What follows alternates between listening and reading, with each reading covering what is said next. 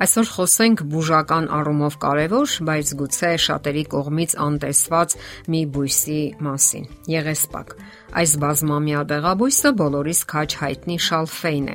Աճում է Եվրոպայի տարածքում։ Քաղցրավուն համ ունեցող այս դեղաբույսն ունի ամենաբազմազան բուժական հատկություններ։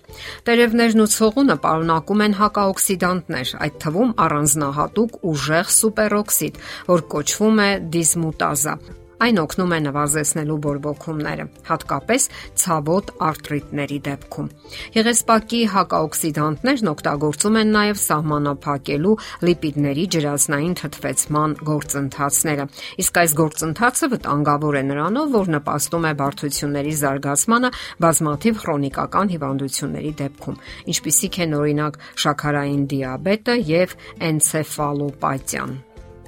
Որպես հակաբորբոքային միջոց եղեսպակի օգտագործումը հիմնավորված է նրա մեջ պարունակվող օլեանոլական թթվով, որը ուժեղ հակաբորբոքային նյութ է։ Եղեսպակի թեյը իդեալական միջոց է ողողումների համար։ Դրա համար վերցնում են երկու թեյի գթալ եղեսպակի տերևներ, մեկ բաժակ երացրած ջրին, մի փոքր պտղունց աղ եւ այդ բոլորը թողնում, որ թրմվի մոտ 30 րոպե։ Սառեցված վիճակում ողողում են բերանը օրական մի քանի անգամ։ Այս միջոցը հիանալի է գործում գինգիվիտների ժամանակ։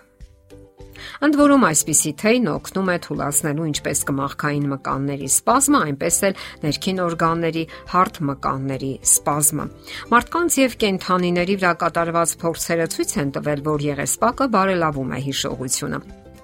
Անգլիայի Նորդումբրիան համալսարանի գիտնականները փորձ են կատարել, որի ժամանակ ուսումնասիրել են եղեսպակի ազդեցությունը 24 առողջ մեծահասակ կամավորների տրամադրության եւ հիշողության վրա։ Մասնակիցների մեկ խմբին տրվել է պլացեբո հաբեր ներշնչման եւ հսկողության արդյունքը բացառելու համար, իսկ մյուս խմբին եղեսպակի յուղ։ Եվ ահա այդ փորձի ժամանակ ողջվել է, որ եղեսպակը բարելավում է ինչպես կարճաժամկետ, այնպես էլ երկարաժամկետ հիշողությունը։ Կարգավորվել եւ բարելավվել է նաեւ փորձի մասնակիցների ուշադրությունը, զգոնությունը եւ հանգստությունը։ Կատարվել են հետազոտություններ նաեւ կենթանիների վրա։ Պարզվել է, որ ունենալով հակաօքսիդանտ եւ հակաբորբոքային հատկություններ, ինչպես նաեւ հանգստացնող ազդեցություն, եղեսպակը բավականին նշանակալի դեր ունի այցեյմերի հիվանդության բուժման համար։ Կրծողների վրա կատարված փորձերը ցույց են տվել, որ այս բույսը նվազեցնում է շաքարի մակարդակը արյան մեջ։ Բույսի մեջ հայտնաբերված ֆիտոքիմիական կարնոզոլը նվազեցնում է շաքարի մակարդակը եւ դրա հետ միասին արյան ճարպերը գործի դնելով հակաքաղցկեղային մեխանիզմները։ Եղեսպակն ունի նաև հակացուցումներ։ Այն չի կարելի օգտագործել բարձր ջերմության դեպքում, քանի որ կրճատում է քրտնարտադրությունը։ Խորհուրդ չի տրվում նաև երկաթ դեֆիցիտային սակավարյունության եւ հղիության ժամանակ։ Իսկ բոլոր դեպքերում օգտագործելուց առաջ հարկավոր է խորհրդակցել բժշկի հետ։ Խոսենք նաև սրոհունդի մասին, որը հանդրությանը հայտնի է զվերաբոյ անվամբ։ Անունը նշանակում է կենթանիներին վախեցնող, քանի որ նրանց համար թունավոր է։ Ուտելուց հետո կենթանիների բիբերը լայնանում են, գլխապտույտ եւ ընդհանուր բթացածության զգացում է լինում։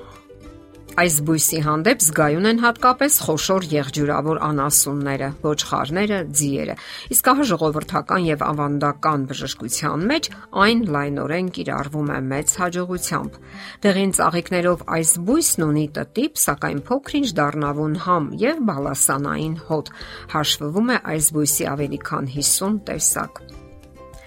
Բույսն ունի բարդ քիմիական կազմություն։ Պարունակում է գլիկոզիդներ, ռուտին, ասկորբինաթթու, նիկոտինաթթու, մեծ քանակի կարոտին, տտիպ նյութեր, եթերայուղեր, խեժային եւ դառը նյութեր, ֆիտոնցիդներ, շաքար։ Հետազոտություններով հաստատվել է, որ բույսի էքստրակտը ունի հակադեպրեսիվ ազդեցություն, խթանում է սրտի ակտիվությունը, բարձրացնում է զարկերակային ճնշումը, մեծացնում է սրտի կծկումների հաճախությունը, հանում է արյունատար անոթների սպազմը, ամրապնդում է մազանոթները, բարելավում է երակային արյան շրջանառությունը, կենտրոնական եւ վեգետատիվ նյարդային համակարգի ֆունկցիոնալ վիճակը։ Ի տարբերություն քիմիական դեղամիջոցների, դեղաբույսի հսկայական առավելություններից մեկը Մեկն այն է, որ բացակայում են մի շարք կողմնակի երևույթներ եւ հակացուցումներ։ Խոտաբույսից պատրաստում են բուսական անտիբիոտիկներ, նովոիմանին եւ իմանին, որոնք օգտագործվում են ծանր այրվածքների, թարախային վերքերի, վերին շնչուղիների կատարների, թարախակույտերի մաստիտի ժամանակ։ Ժողովրդական բժշկության մեջ օգտագործում են որպես հակաբորբոքային, բարակազերծող եւ տոնուսը բարձրացնող միջոց։ Այս բույսը կիրառվում է ստամոքսաղիքային համակարգի, շնչառական ուղիների, մաշկային տարբեր հիվանդությունների ժամանակ։ Օգտակար է մաշկի, ռևմատիզմի, պոդագրայի, հազի, լյարդի, լեղապարկի, երիկամների հիվանդությունների ժամանակ, սուր եւ քրոնիկական կոլիտների, լնդերն ամրապնդելու, ստոմատիտների ժամանակ։ Այն բարենպաստ ազդեցություն ունի նաև լեղուղիների, լյարդի վրա։ Օգնում է անքնության, գլխացավերի դեպքում, հանում է ստամոքսի ծանրությունը, վերացնում է հեվոցը։ Շատ օգտակար է սրոհունդի թեյը։ Կանոնավոր օգտագործելու դեպքում թեյն ամրապնդում է նյարդային համակարգը, խթանում է ներքին սեկրեցիայի գեղձերը, կարգավորում է ստամոքսի եւ աղիների աշխատանքը, բարելավում է ախորժակը, ուժեղացնում է օրգանիզմի պաշտպանական ֆունկցիաները։ Օգտակար է եղանակի փոփոխությունների դեպքում, որովհետեւ կարգավորում է վեգետատիվ տատանումները։ Ինչպես բոլոր բույսերը, այս բույսը եւս ունի հակացություններ։ Հակացուցված է հղի կանանց, հիպերտոնիայի դեպքում, մեծ չափաբաժինների դեպքում այն բարձրացնում է զգայունությունը ուլտրամանուշակագույն ճառագայթների հանդեպ։ Օգտագործելուց հետո խորուրդ չի տրվում գտնվել արևի տակ։ Չափազանց թունդ թեյը կարող է ցավեր եւ սպազմ առաջացնել աղիներում։ Չի կարելի օգտագործել նաեւ երկար ժամանակ, 1 ամսից ավել, քանի որ ունի թույլ տոքսիկ ազդեցություն իսկ դեղամիջոցներ օգտագործելու ժամանակ անպայման հարկավոր է խորհրդակցել բժշկի հետ։